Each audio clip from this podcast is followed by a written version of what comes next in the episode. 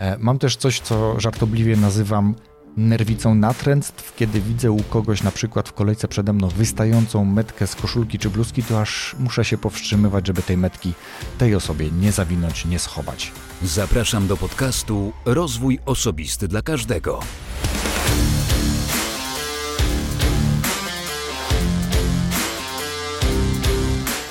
Cześć.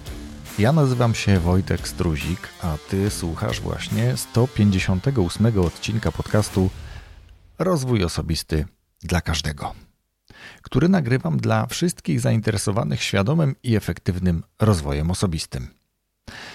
Chwilę zastanawiałem się nad tym, czy aby nie zmienić również tego wstępu, ale lubię go. Jest ze mną niemalże od samego początku i bardzo pasuje do tego właśnie podcastu, bo przecież słuchasz go i jesteś zainteresowany tym, aby to nie było ćpanie rozwoju, ćpanie konferencji, wszelkich treści rozwojowych, ale raczej wykorzystywanie ich na różnych polach, bo w tym podcaście na różnych polach rozwój osobisty był omawiany, czy jest omawiany. No dobrze, ale do rzeczy. Dzisiaj 158 odcinek podcastu, odcinek solowy, nagrywany 3 dnia stycznia, jeden dzień po trzeciej rocznicy podcastu. Rocznicy i nierocznicy zarazem, bo sam chwilę zastanawiałem się, którą datę przyjąć jako rocznicę. No bo 2 stycznia 2019 roku ten podcast miał pierwszy odcinek, odcinek e, zerowy, nazwijmy tak. Ten, który wprowadza do tego, czego słuchacz może się po pozostałych odcinkach spodziewać. A kolejny odcinek, jak dobrze pamiętam, pojawił się 20 stycznia. Ale pierwszy to pierwszy, więc rocznica właśnie wczoraj, 2 stycznia, miała miejsce. Trzecia rocznica. E, więc ja bardzo dziękuję wszystkim przy tej okazji, bo nie ma wielkiego wydarzenia, fety, mm, nic szczególnego się w związku z tym nie dzieje. Po prostu trzy lata już ten podcast jest publikowany regularnie w każdy piątek. A ja dziękuję słuchaczom, dziękuję Tobie, dziękuję za to, że słuchasz, nawet jeśli nie słuchasz wszystkich odcinków, tylko tych wybranych, które Ciebie w danym momencie interesują. Dziękuję wszystkim tym, którzy w jakiś sposób gdzieś mnie oznaczali, pokazując, demonstrując to, że jakiś odcinek wybrany Wam się podobał, czy Tobie się podobał właśnie. Dziękuję też patronom. Dziękuję, bo jest ich 40 osób. 40 osób zdecydowało się wesprzeć ten podcast. Ten tak naprawdę i podcast bajkowy, bo kilku patronów przyszło z uwagi na bajkowy podcast, ale dla mnie to jedna wielka, fantastyczna, może nie rodzina, ale grupa ludzi, którzy z dużym zaangażowaniem chcą pokazać e, i docenić zarazem, że to, co tworzę w ramach podcastu Rozwój Osobisty dla Każdego i w ramach podcastu bajkowego, Odpowiada im to i z racji na to, że są to przecież treści darmowe, chcą w jakiś inny sposób jeszcze to docenić. Więc bardzo, bardzo wszystkim dziękuję. Jeśli Ty chcesz dołączyć do grona patronów, bo być może nosisz się już z takim zamiarem od jakiegoś czasu, jak niektórzy patroni piszą po tym, jak zadam im takie pytanie, to ja zapraszam Cię do tego. Nie czekaj. Być może właśnie trzecia rocznica będzie tym impulsem, że będziesz chciał razem ze mną uczcić skromnie te trzy lata. Wystarczy, że wejdziesz na stronę patronite.pl, pisane patronite.pl, łamane przez RODK. No dobrze, to tyle tytułem wstępu. Przypomnę jeszcze tylko, że w 157 odcinku moim gościem była Edyta Kowalska, a z Edytą rozmawialiśmy o tym, jak rysunki, jak whiteboarding może wspierać i wspiera, z pewnością o tym jestem pewien, rozwój osobisty, rozwój zawodowy, wspiera firmy i pracowników tych firm w tym, aby robili pewne rzeczy lepiej, łatwiej, szybciej, bo tylko tak napomknę, e, że pewne badania udowodniły, że jeśli jedna grupa oglądała materiał wideo z lektorem z tak zwaną gadającą głową, a druga grupa oglądała, czy też słuchała tego samego lektora, ale oglądała właśnie rysunki whiteboardingowe, które mm, działy się na ich oczach w trybie, nazwijmy to, rzeczywistym, to ta druga grupa, która oglądała rysunki, zapamiętała aż o 15% więcej materiału. 15% to jest naprawdę bardzo dużo. Więc o tym był m.in. ten odcinek właśnie, jak rysowanie może wspierać rozwój, w tym wypadku osobisty. No właśnie, usłyszałeś, usłyszałaś nowy jingle, bo wraz ze zmianą okładki zmieniła się też oprawa muzyczna. No i podobają mi się w niektórych podcastach dobrze stosowane jingle i sam staram się właśnie teraz je zastosować u siebie. Dzisiaj opowiem Ci o wysokiej wrażliwości. O temacie, który odkryłem jakiś czas temu. Zaraz przejdę do tego dlaczego Temacie, który wydaje się być całkiem interesujący na wielu płaszczyznach. Coraz więcej treści w tym temacie możesz znaleźć w internecie, możesz także znaleźć w kapitalnych podcastach, do czego namawiam. E, ja tak na to trafiłem właściwie.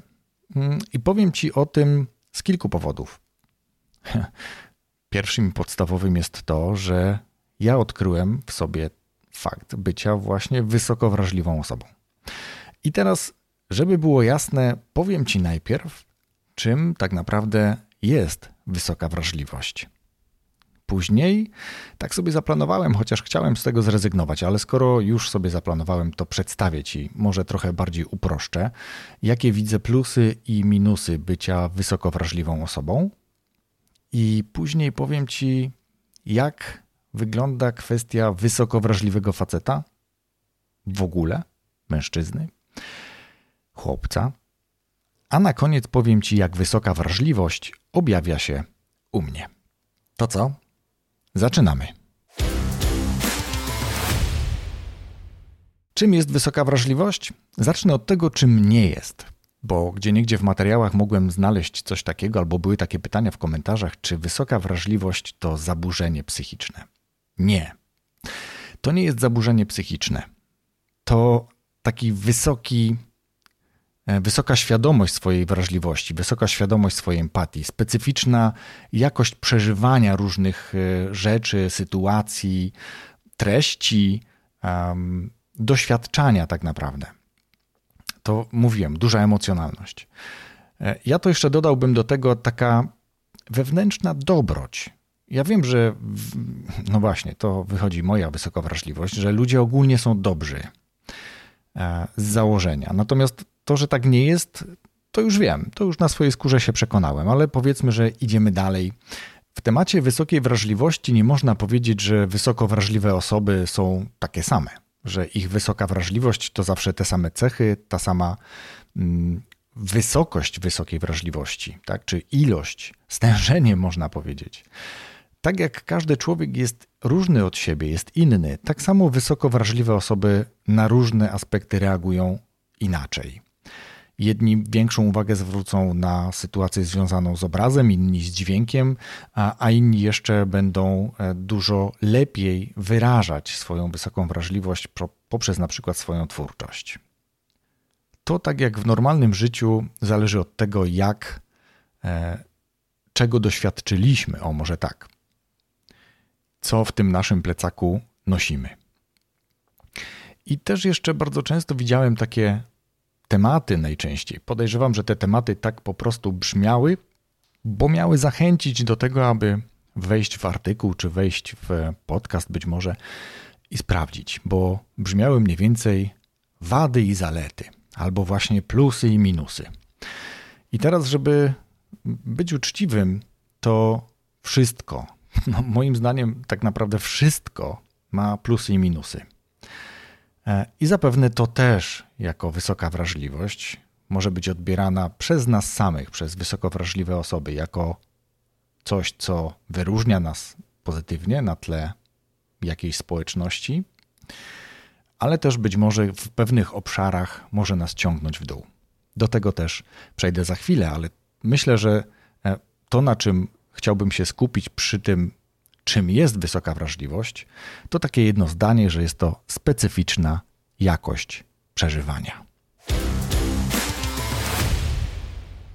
Powiedziałem, że przygotowałem też plusy i minusy w dużym, dużym, dużym uproszczeniu. Zacznę może od minusów. Dla mnie minusem bycia wysoko wrażliwą osobą jest trudność w radzeniu sobie ze stresem. Obserwując nawet siebie, ja wiem, że ja to, co się dzieje emocjonalnie, co mnie stresuje, właśnie, znacznie dłużej trawię niż inna osoba, być może doświadczająca podobnego stresu. Kosztuje nas to znacznie więcej energii, a nierzadko też zdrowia. I to jest taki chyba największy w moim odczuciu minus. Innym, również dosyć dużym minusem, będzie z pewnością fakt, że my też trudniej znosimy krytykę.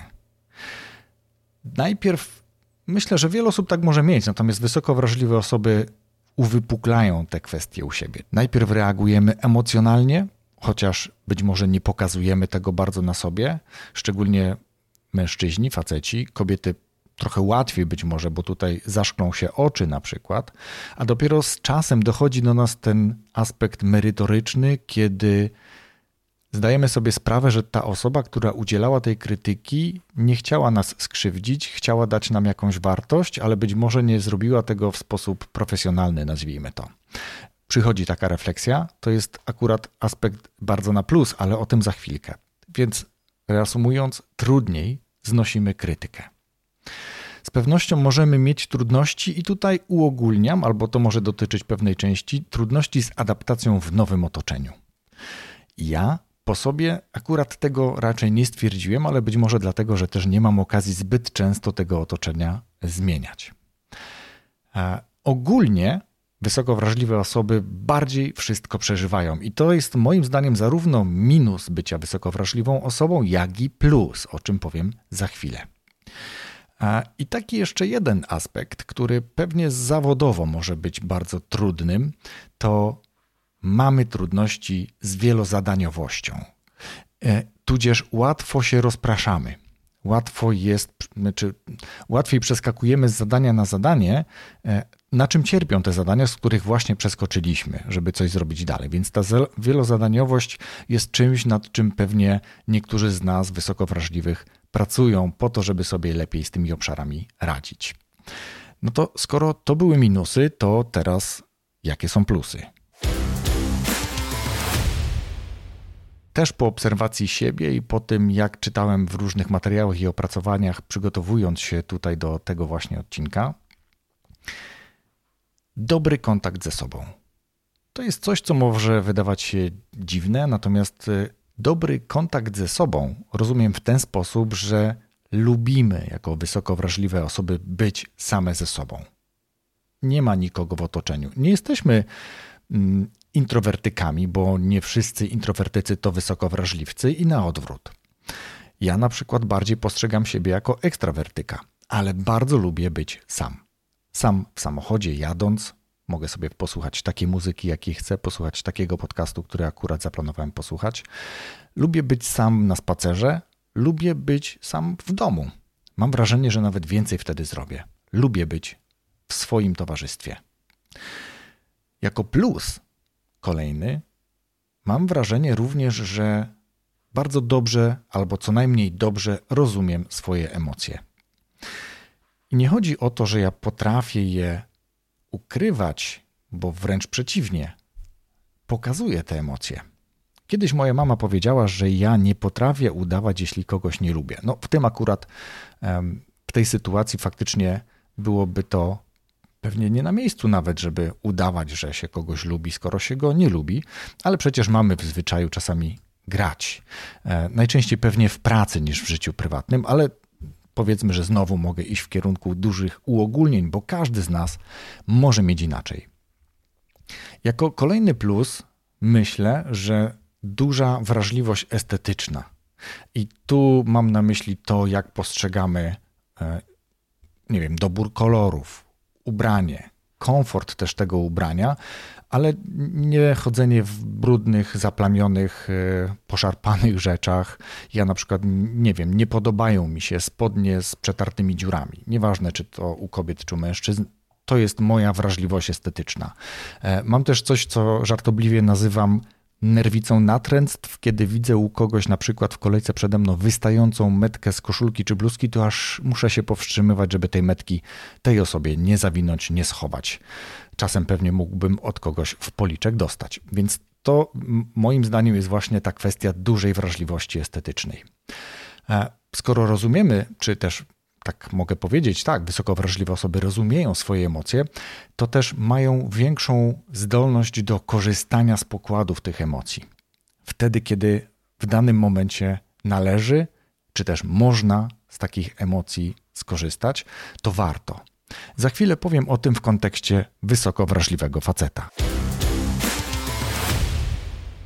No i to jest coś, co jest tematem rzadko występującym, bo wysoką wrażliwość, tudzież większą wrażliwość przypisuje się i akceptuje się u kobiet zdecydowanie bardziej i częściej niż u mężczyzn.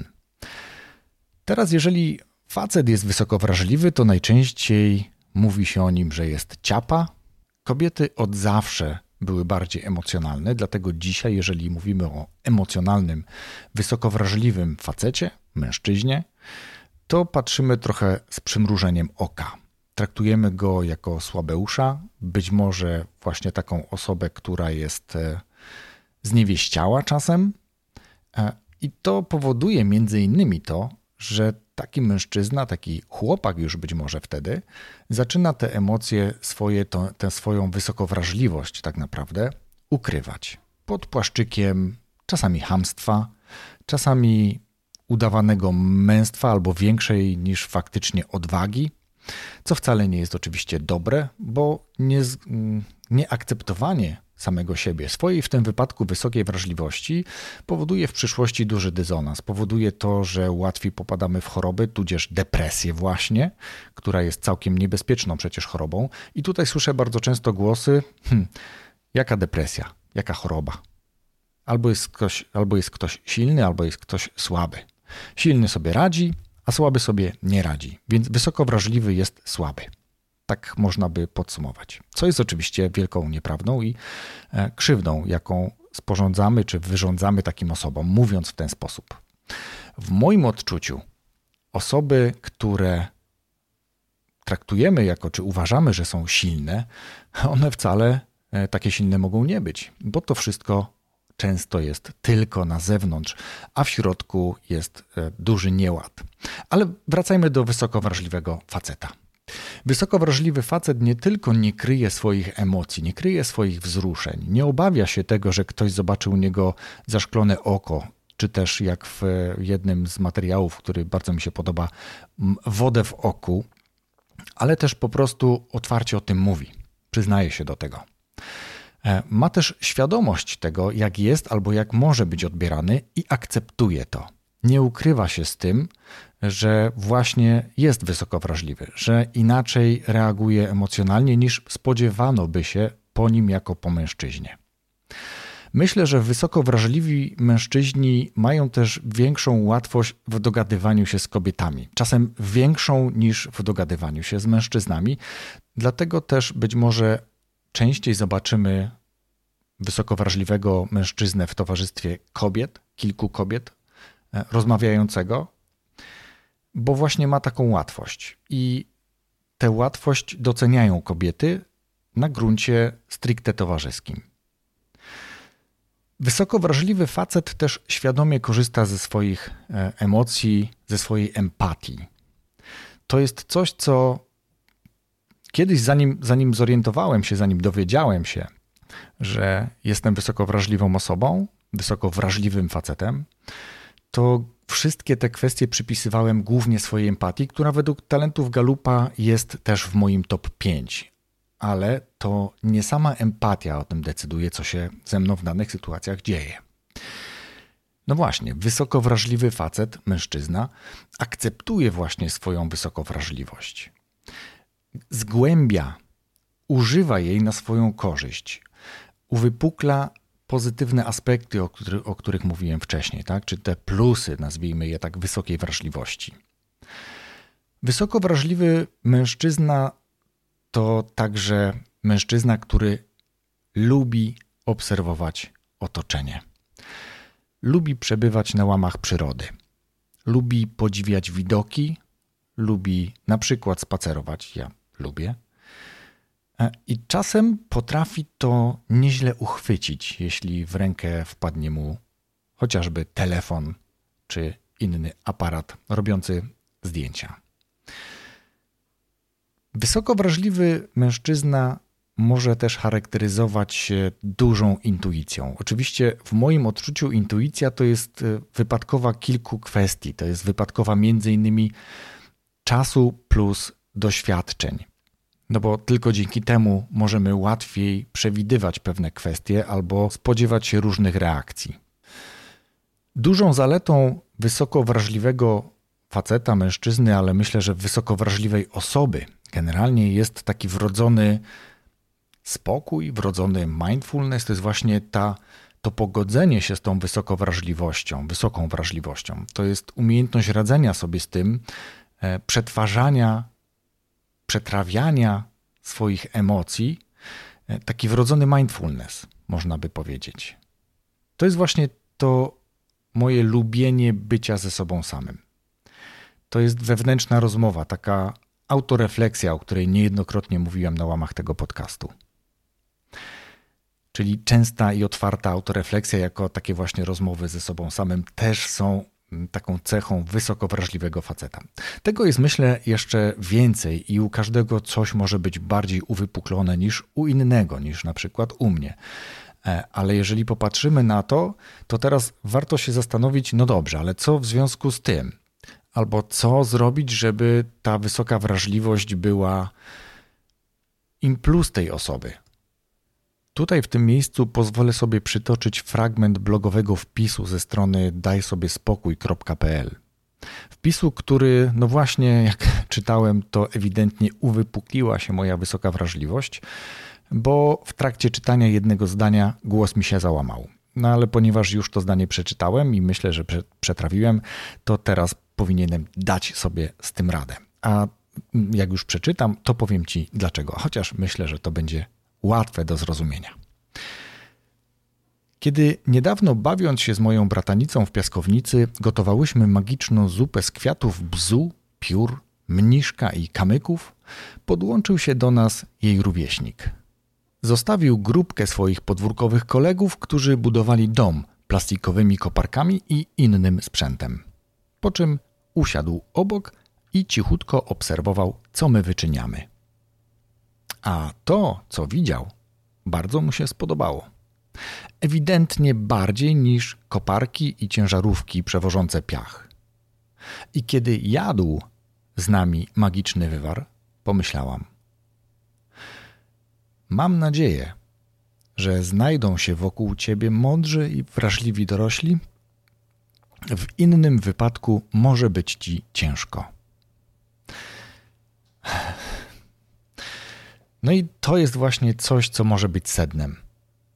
Dajmy przestrzeń naszym chłopcom, naszym dziewczynkom na to, aby mogli świadomie żyć ze swoją wysoką wrażliwością, aby nie tłamsić ich wysokiej wrażliwości, aby nie czuli się z nią źle, aby nie czuli się wyautowani.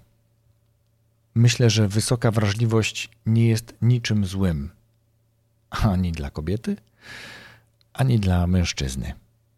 Ja lubię swoją wysoką wrażliwość, dlatego za chwilę powiem Ci, jak ona u mnie się objawia. Coś, co już było wymieniane przeze mnie wcześniej w podsumowaniu ogólnie wysoko wrażliwych facetów, no to lubię obcować z przyrodą. I co zdarza mi się czasem, znajduję jakieś bardzo ciekawe widoki, ciekawą perspektywę, którą potrafię. Hmm, udaje mi się, właśnie pytanie, czy to jest udaje mi się, czy to jest e, ten duży plus wysokiej wrażliwości, uchwycę ją czasami jakimś ciekawym zdjęciem. Trochę minusem jest to, że bywam perfekcjonistą i to też przypisuję tutaj tej wysokiej wrażliwości. Ale pracuję nad tym. Uczę się robić rzeczy bez tak zwanego cyzelowania. Jak to kiedyś powiedział mój prezes, learning by doing, czyli nie e, robię czegoś, zanim nie opublikuję, już będzie super ekstra, tylko uruchamiam takie, jakie jest i rozwijam dalej i poprawiam. I myślę, że to jest rzecz e, warta tego, żeby sobie to gdzieś zapamiętać. Nie tylko dla osób wysoko wrażliwych. Jedną z takich charakterystycznych dla mnie rzeczy jest to, że ja wyjątkowo się wzruszam. Wyjątkowo często, może nie, ale wyjątkowo mocno wzruszam się, niejednokrotnie bardziej niż czasami kobiety, które widocznie tej wysokiej wrażliwości, tudzież wrażliwości mają trochę mniej. Tak jak przed chwilą czytałem ten fragment, pomimo tego, że czytałem go drugi raz, głos się załamał w momencie, kiedy czytałem, że mam nadzieję, że znajdą się wokół ciebie mądrzy i wrażliwi dorośli. W innym wypadku może być ci ciężko. To, to był znowu ten fragment, ale no właśnie, i to jest coś, nad czym ja nie panuję, ale nie przeszkadza mi to. To jest coś, gdzie ja żartobliwie czasem mówię, mm, że ja się wzruszam nawet na Kung Fu Panda część trzecia, bo tak akurat było, pamiętam to. Jeszcze mieszkałem na poddaszu w starym miejscu na południu Polski, kiedy oglądając samemu, siedząc przy komputerze, oglądając właśnie Kung Fu Pandę, gdzieś tam się troszkę e, wzruszyłem. I to jest ok, moim zdaniem. I to jest coś, co ja w sobie też czasem lubię, kiedy oglądam jakiś film, który jest właśnie taki bardzo emocjonalny, to po prostu te emocje ze mnie wtedy wychodzą oczami. A jako chyba, no właśnie, pytanie, czy to będzie bardziej w kontekście plusa czy minusa. Jestem dość ufny. Ufam ludziom, na dzień dobry. Chyba, że ten pierwszy kontakt, pierwsze wrażenie od razu było bardzo negatywne, no to takiej osobie trudno będzie pewnie zaufać. Natomiast całej większości, całej reszcie ufam i ten bagaż e, zaufania mają te osoby u mnie na start. Nie muszą na niego, nie muszą na to zaufanie zapracowywać. Czasem się na tym przejadę, natomiast wiem, że jest wiele takich osób, które to doceniają, które za to dziękują i którym to odpowiada. I mnie to odpowiada również. Wspomniałem już, że lubię być sam ze sobą. Lubię być sam na spacerze, sam, nie wiem, w jeziorze, sam z książką, sam w aucie. Po prostu lubię, bo lubię i akceptuję siebie. Z bliskimi, bardzo bliskimi osobami rozumiem się niejednokrotnie bez słów. I to też myślę, że jest coś, co podprogowo odbieram jako wysoko wrażliwa osoba. Żartobliwie też mogę powiedzieć tutaj teraz, ale to żart wcale nie jest, nadużywam emotek w komunikatorach. Lubię je dodawać, bo wierzę w to, że to zdanie, które wysyłam, ta sentencja wzbogacona emotką, pomaga ją odbiorcy lepiej zrozumieć. Czasami zdanie bez tej emotki może być rozumiane na kilka sposobów, jeśli chodzi o kwestię odbioru emocji. Emotka to ułatwia w moim odczuciu. Dlatego ja lubię je dodawać, ale też uwaga, lubię i wolę je dostawać. Bo kiedy jej nie ma, kiedy komunikacja jest sucha, to z czasem może się okazać, czy to nie jest to, to znowu moje wysoko wrażliwe podejście, czy tam nie dzieje się jakaś niedobra emocja, na przykład, tak, w tej komunikacji naszej. I czasami o to dopytam, a czasami właśnie wrzucę kilka dodatkowych emotek, żeby pokazać, jakie są moje emocje w tej rozmowie.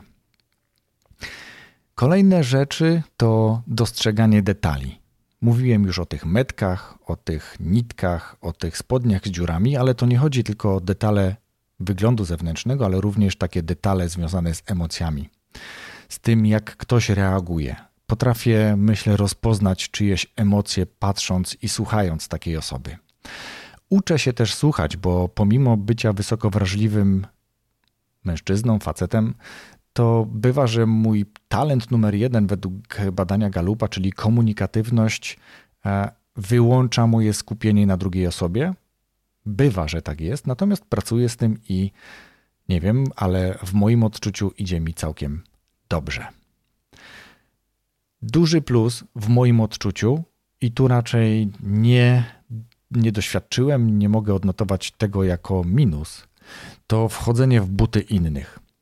Wchodzenie w buty innych, czyli rozumienie, dlaczego coś zrobili, dlaczego coś powiedzieli e, i że ich intencja była inna niż na przykład kogoś, kto, kto mówi o takiej sytuacji. Ja też mam dużą łatwość w usprawiedliwianiu innych, nawet częściej innych niż samego siebie. Usprawiedliwiam ich decyzje, usprawiedliwiam ich czasem niezbyt mądre, pochodnie, pochopnie wypowiedziane słowa, bo czuję, że nikt albo ta osoba nie chciała kogoś urazić, chciała przekazać coś w inny sposób, ma tak po prostu w swoim plecaku taki bagaż, który powoduje, że komunikuje się w taki, a nie inny sposób, ale nie po to, żeby kogoś skrzywdzić, ale po to, żeby wyrazić się dosłownie czy też dosadnie. Szukam i rozumiem nieoczywiste motywy, nieoczywiste dla wszystkich. Wydaje mi się, że też całkiem nieźle sobie z tym radzę, ale to są moje przypuszczenia. Tutaj pewnie osoby, które ze mną albo blisko pracują, albo są ze mną blisko generalnie, e, mogłyby powiedzieć, czy mam rację, czy nie. No i na końcu, żartobliwie, już chyba trochę podsumowując kwestie wysokowrażliwych za chwilę, piszę dłuższe teksty niż bym chciał. I czasem nagrywam dłuższe solowe odcinki niż bym chciał, bo myślałem, że ten może potrwać w okolicach 20 maksymalnie minut, a tu już e, trochę dłużej. A teraz krótkie podsumowanie. Powiedziałem Ci w tym odcinku, czym jest wysoka wrażliwość. Postawiłem albo próbowałem przynajmniej postawić przed Tobą plusy i minusy bycia osobą wysoko wrażliwą. Myślę, że dłużej skoncentrowałem się też na wysoko wrażliwym facecie, na wysoko wrażliwym mężczyźnie, za którego się uważam. I na koniec przedstawiłem Ci, jak wysoka wrażliwość przedstawia się u mnie, czym się ona objawia, jak ja ją u siebie obserwuję i korzystam z tego, myślę. Przedstawiłem Ci, myślę, dużo pozytywnych kwestii, dla mnie pozytywnych, bo jak też wspomniałem, ja lubię siebie, akceptuję siebie i Tobie tego też życzę. Ale życzę Ci też na koniec tego, aby to zdanie, które przeczytałem, znalazło swoje odzwierciedlenie w realnych działaniach, abyś Ty umiał, umiała dostrzec wysoko wrażliwe osoby w swoim otoczeniu i dał, dała im przestrzeń na to, aby ta ich wysoko wrażliwość mogła kwitnąć, mogła się rozwijać i być wykorzystywana mm, dla waszej relacji, dla waszego związku, dla waszej pracy, dla waszego biznesu być może nawet, a nie żeby nieświadomie być może taką osobę wysoko wrażliwą krzywdzić. Zupełnie nieświadomie, mam nadzieję. Za dzisiaj bardzo gorąco Ci dziękuję. To był pierwszy odcinek w 2022 roku. Odcinek po rocznicy, trzeciej rocznicy tego podcastu. I zapraszam Cię już za tydzień na kolejny odcinek. Oczywiście w kolejny piątek. Wszystkiego dobrego. Rozwój osobisty dla każdego.